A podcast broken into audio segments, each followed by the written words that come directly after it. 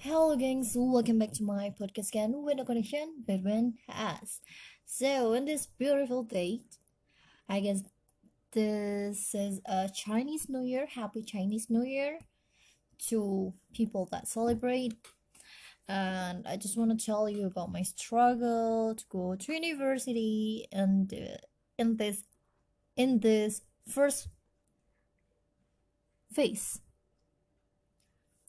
So, uh, maybe like uh two days ago, yes, I'm just being uh, such confusing people, like a lot of drama, cryings, and yeah, many other things that I do because I'm so stressful about what have to choose in the university or faculty that I wanted.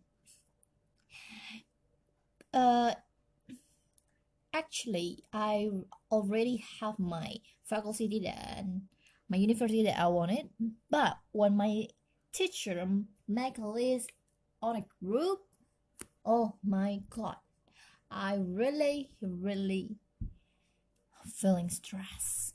So, in my school, my school, my counseling teachers like make like WhatsApp group to discuss about SNMPTN. SNMPTN is like you going to university without tests. It's just use your score.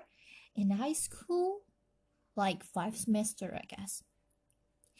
And then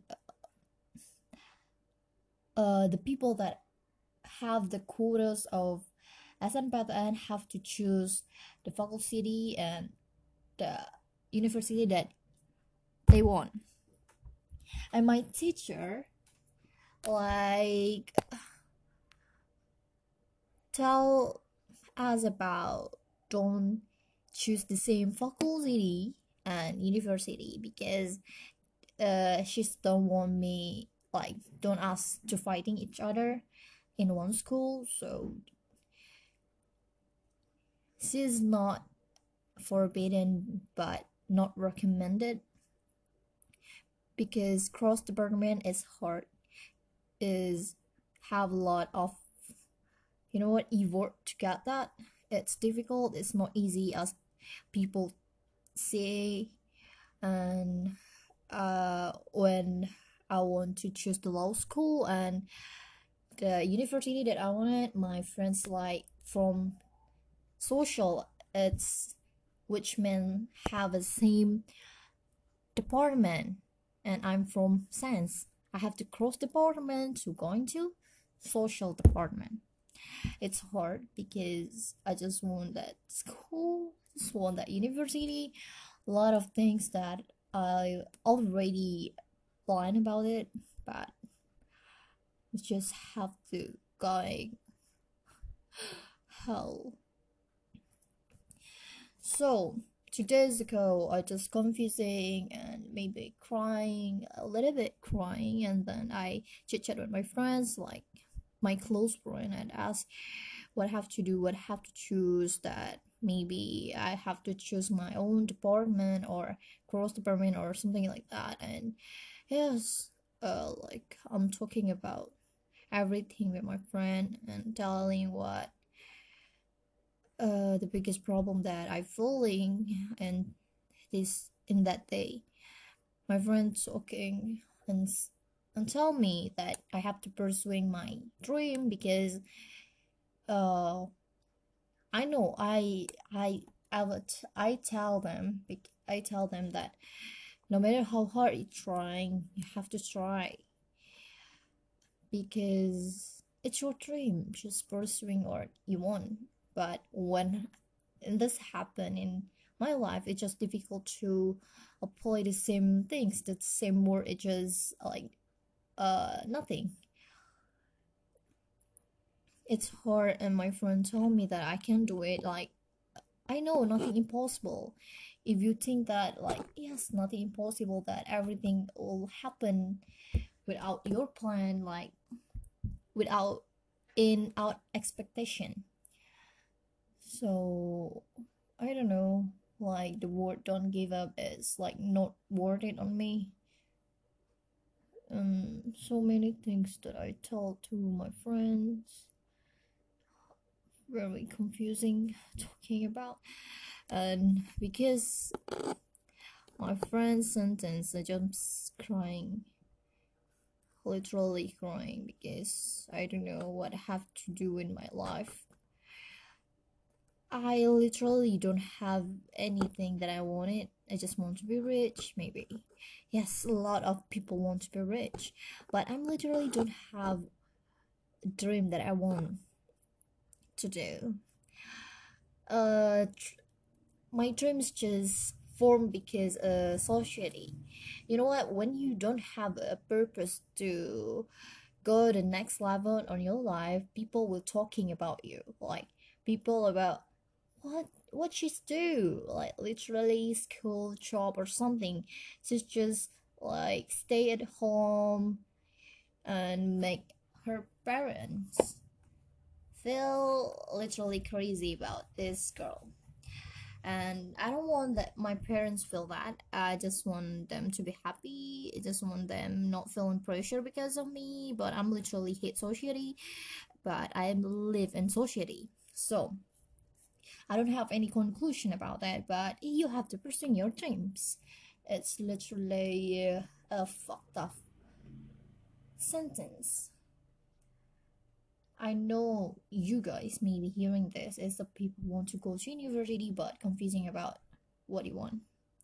And maybe uh, some people that know what she or he want maybe become a confident it's important but my sister not not like officially my sister just like sister from my high school like tell me have to be a realistic not like talking about like you have to be your realistic but you don't become an idealist people or a realist people and make me overthinking literally overthinking what i what i want and she's already become a student from Filsafat Faculty in University Gadjah Mada in Yogyakarta.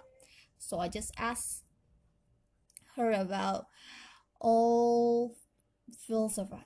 Yes, I'm liter- I'm just a little bit interesting about Filsafat. Um, asked about everything about France, about what they learn, and how they learn as all about Filsafat.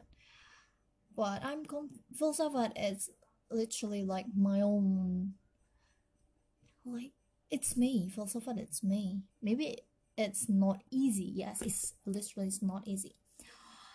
But Filsafat have what I want like liberalism. And then many other things. But the project no not the project but the prospect job in this era. So you know what little since like uh don't have a large or wide con- connections. It's just a little bit maybe you can be you become academician or like teacher or something? But i'm not interested into it. And i'm fucking confusing about that. And when i'm asleep just thinking about that and i'm dream of Filsafat i dream that i'm talking with my dad about Filsafat and how it be. I'm talking about my mom uh is it okay that i'm stay at home just not to like job or school. She's already tell me. Yes of course you can. It's no matter you want to go to school or whatever. My mom told me that i have to rest like one year maybe two. Yeah you know she's she's tell me that study is hard and maybe it's like like from my face. Yes because my face like feeling absolutely not good. Yes i'm very stressed and my acne just like pop up. I don't know what to call it. So I don't know what I have to say again, and maybe you all of you all of you have to choose your dream, pursuing your dream no matter what.